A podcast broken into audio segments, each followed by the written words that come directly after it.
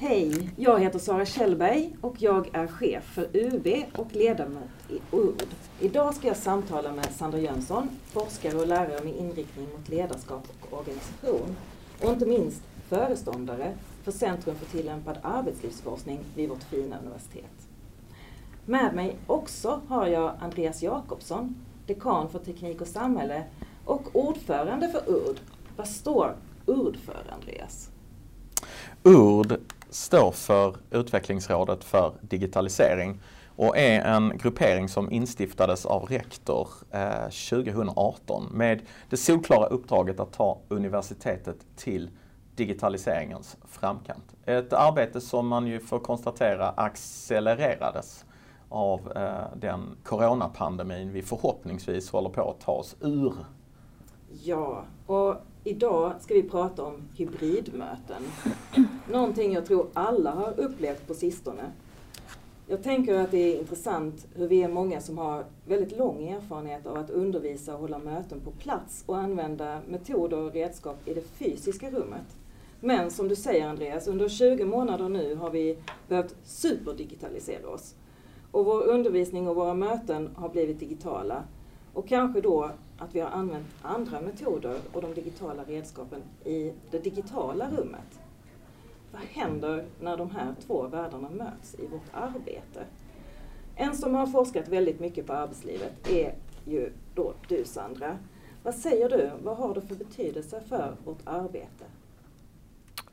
Alltså det som, det som den här pandemin har inneburit är ju att vi eh, har ju eh, förändrat vårt sätt att arbeta ganska radikalt.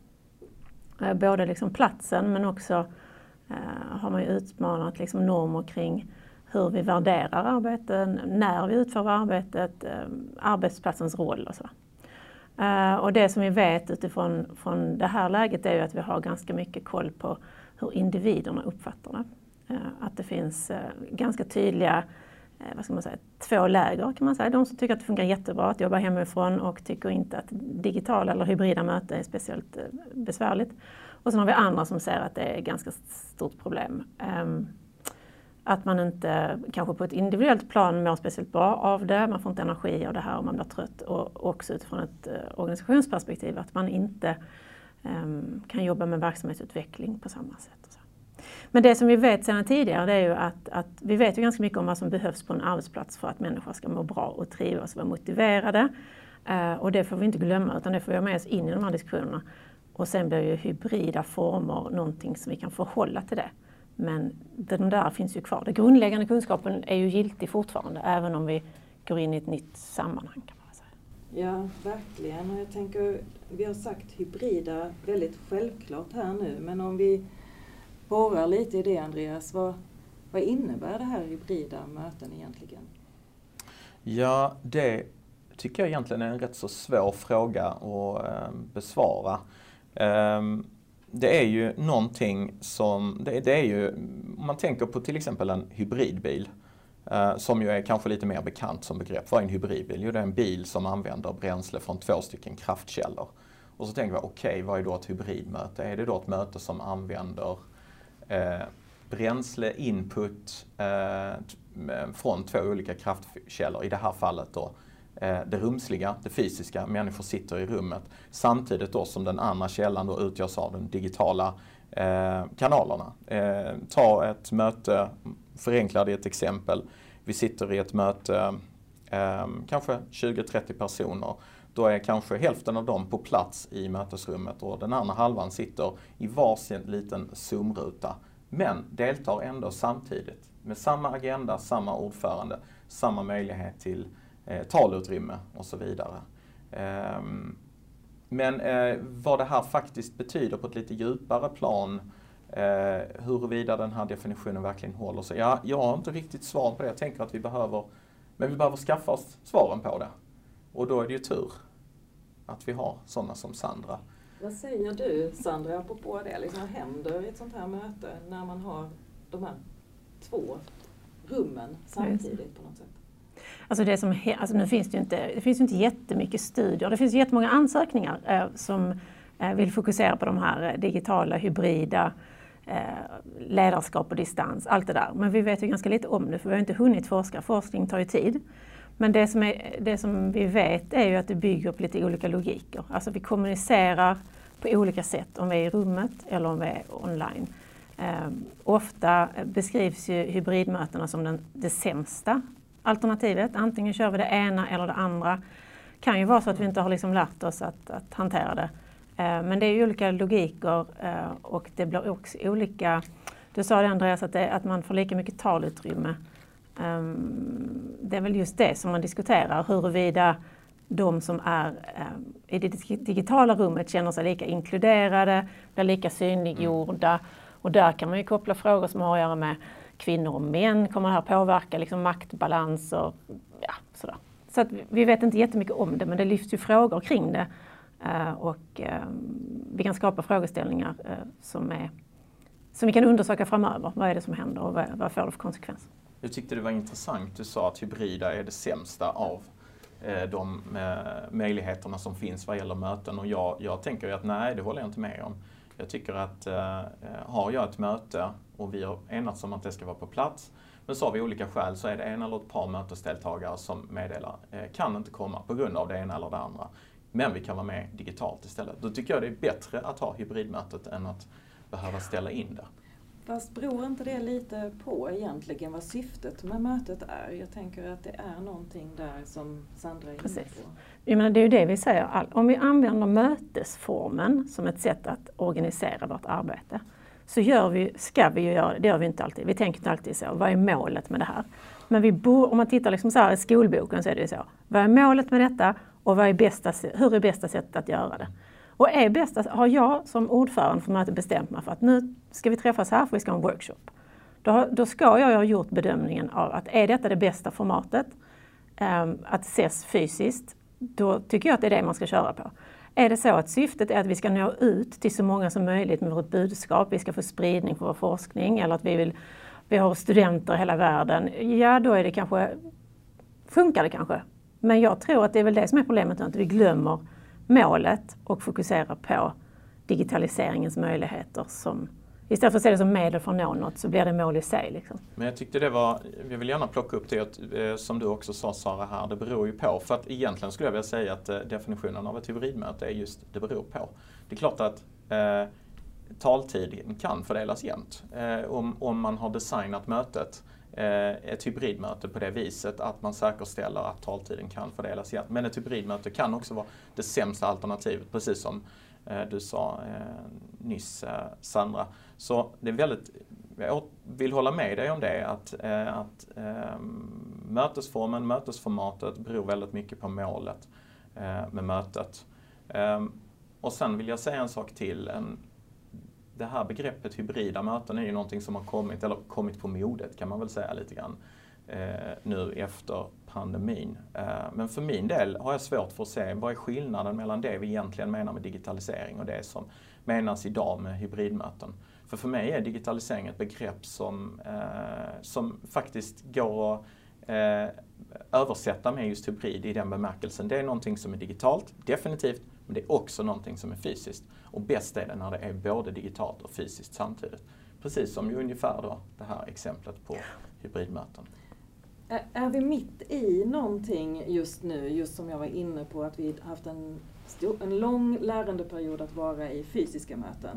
Eh, och sen så har vi haft 20 mm. månader av renodlat digitaliserade möten. Och nu kommer vi in i liksom ett annat läge. Vad betyder det? Ja. Sandra? Men det finns ju vissa, vissa saker som ändå är viktiga att i alla fall fundera på. Det ena är ju eh, det vi vet idag är ju att kvinnor i större utsträckning än män vill jobba hemifrån. Eh, det innebär då, kan vi tänka, att det kommer att vara fler kvinnor hemma och fler män på jobbet. Beroende på vad det är för verksamhet såklart. Eh, det som vi också ser att det förs diskussioner kring det är ju, okay, om vi tittar bara på mötet i sig så kanske man kan fördela ord och tid och sköta det. Men det händer ju saker innan ett möte. Det händer saker efter ett möte det händer saker i fikapausen. Och frågan är ju när de här besluten tas, när de här nätverken eh, liksom utökas eller där man bestämmer att vi tar en after work efteråt som en förlängning. Vad är det som händer med det som vi kanske tror egentligen händer i, under mötet men som egentligen händer innan, emellan och efter. Eh, och där har ju alla möjlighet att vara med i det om vi är på samma plats. Eh, när vi har det hybrida eller när vi har det digitala så är det ingen som förväntar sig speciellt mycket. Då vet vi att när vi är där så är vi där. Sen lämnar alla samtidigt och det händer inte så mycket annat. Men i det här blir det ju det både och. Och det som jag tänker att man behöver i alla fall vara lite varsam, eller vaksam heter det på, det är ju vem är där riskerar vi att hamna i en situation där vissa röster inte blir hörda, där beslut fattas utanför det formella mötet och så vidare. Så att, ja, alltså man kan titta på det, men jag tror man måste titta på det i en kontext och i ett sammanhang. Någonstans har vi ju tekniken och vi kanske har blivit lite bättre tack vare att vi har jobbat renodlat digitalt en period. Men just det här mer, ska man kalla det sociotekniska eller det här interaktionen eh, mellan människor och människor och teknik. Vad säger du om det Andreas? Jag eh, gör ju, eh, eller vi i URD, vi har ju enats om ett antal prioriteringar som vi ska rikta in så att säga digitaliseringsverksamheten runt nästa år. Och ett genomgående tema för de här prioriteringarna är just detta med vikten av att sätta användaren i centrum. Att eh, tänka igenom eh, när en användare kommer in i ett rum, hur lätt eller svårt är det att eh, koppla upp sig mot mötet, att starta det i Zoom, att ha, eller i Teams, att ha det hybrid eller att bara digitalt, att visa en presentation, vad det nu än är, så måste det vara hjälp för användaren i detta så att vi sätter användaren i centrum. Men jag tycker, även om det är viktigt att påpeka, så är det också viktigt att påpeka att det finns en annan sida av detta med användarcentrerad eh, design också. Det är det att vilka förväntningar kan vi ha på användarna? Och där vill jag knyta an till det eh, du sa Sandra, som jag tycker var väldigt intressant. Detta med vad händer egentligen före mötet, precis när man håller på att koppla upp sig. Det kan vara fem minuter innan agendan eh, startar. Det kan vara under en paus, det kan vara efter mötet. Och hur spelar detta an till liksom makt och inflytande och så? Och där tänker jag att vi har vi har pratat väldigt mycket om det här med, med hybrida möten och arbetsplatsens betydelse i ord. Och där kan man säga att ja, arbetsplatsens eh, utformning är väldigt, väldigt viktigt att fundera över. Men en fråga som är minst lika viktig att fundera över och som har med detta med förväntningar på användaren i centrum, det är ju eh, detta med, med, med, arbetssätt. Med vilket vi gör våra möten. Eh, och det hänger också ihop med det här, det beror på och man måste tänka igenom. Men problemet är att, tror jag, att vi just nu är i en, i, mitt i ett skeende och vi har inte total överblick. Det finns få studier som, som jag tror du eh, nämnde Sandra. Eh, ändå måste vi på något vis agera, vi måste stötta, vi måste hjälpa, vi måste eh, komma framåt med vår verksamhet. Det tycker jag är knivigt. Och en annan sak jag tycker är knivigt Sandra, om jag får lov att ställa den frågan. Vad tänker du om eh, hybrida möten och om arbetsmiljö och kanske framförallt psykosocial arbetsmiljö? Hur jobbar man med det i ett sådant sammanhang? Alltså jag tänker ju inte hybrida möten i relation till det. Jag tänker vad är det som vi måste... Alltså för möten är ju, är ju en liten kontext, det finns så många andra kontexter. Om vi tänker att, att arbetsmiljö egentligen, om man ska förenkla det, handlar om att individer har vissa krav på sig, att man ska utföra ett visst arbete, ett visst tempo på, under en viss tid. Man kan ha emotionellt arbete, man kanske möter studenter som inte mår bra, eh, beroende på vad man jobbar med. Det är någonstans som skapar någon form av krav som jag måste hantera. Sen har vi någonting som heter resurser och det kan vara stöd från kollegor, det kan vara stöd från chef, det kan vara tid, det kan vara pengar, det kan vara utbildning, kompetens. Och oavsett hur vi väljer att organisera oss, hur vi än väljer att jobba flexibelt, distans, hybrid eller vad vi nu väljer, så måste vi säkerställa att de här balanserna finns. Att även om man är, jobbar hemifrån, så hur säkerställer jag att den här personen har socialt stöd, får feedback från sin chef, eh, eller vad det nu kan vara, har de resurser eh, som, som man behöver. Eh, och det ser ju lite olika ut. Och jag tror att, och nu kommer vi ju från ämnet om hybrida möten när jag tänker på det här med ledarskapet. Varför det är för konsekvenser, det kan vara ett annat samtal kanske. Då. Men ledarskapets utmaningar i detta, att leda olika typer av eh, liksom, situationer för att säkerställa att man ska må bra på jobbet och att man ska vilja eh, och kunna liksom, jobba flera år till.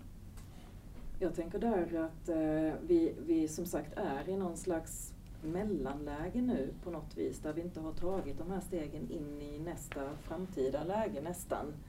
Utan vi, vi, vi har hybridmöten av nöd på något vis. Därför att vi är på arbetsplatsen och vi är hemma. Eh, och vi har lärt oss saker över tid. Eh, men vi behöver göra de här, vi behöver fortsätta arbeta med det utifrån det du säger Sandra.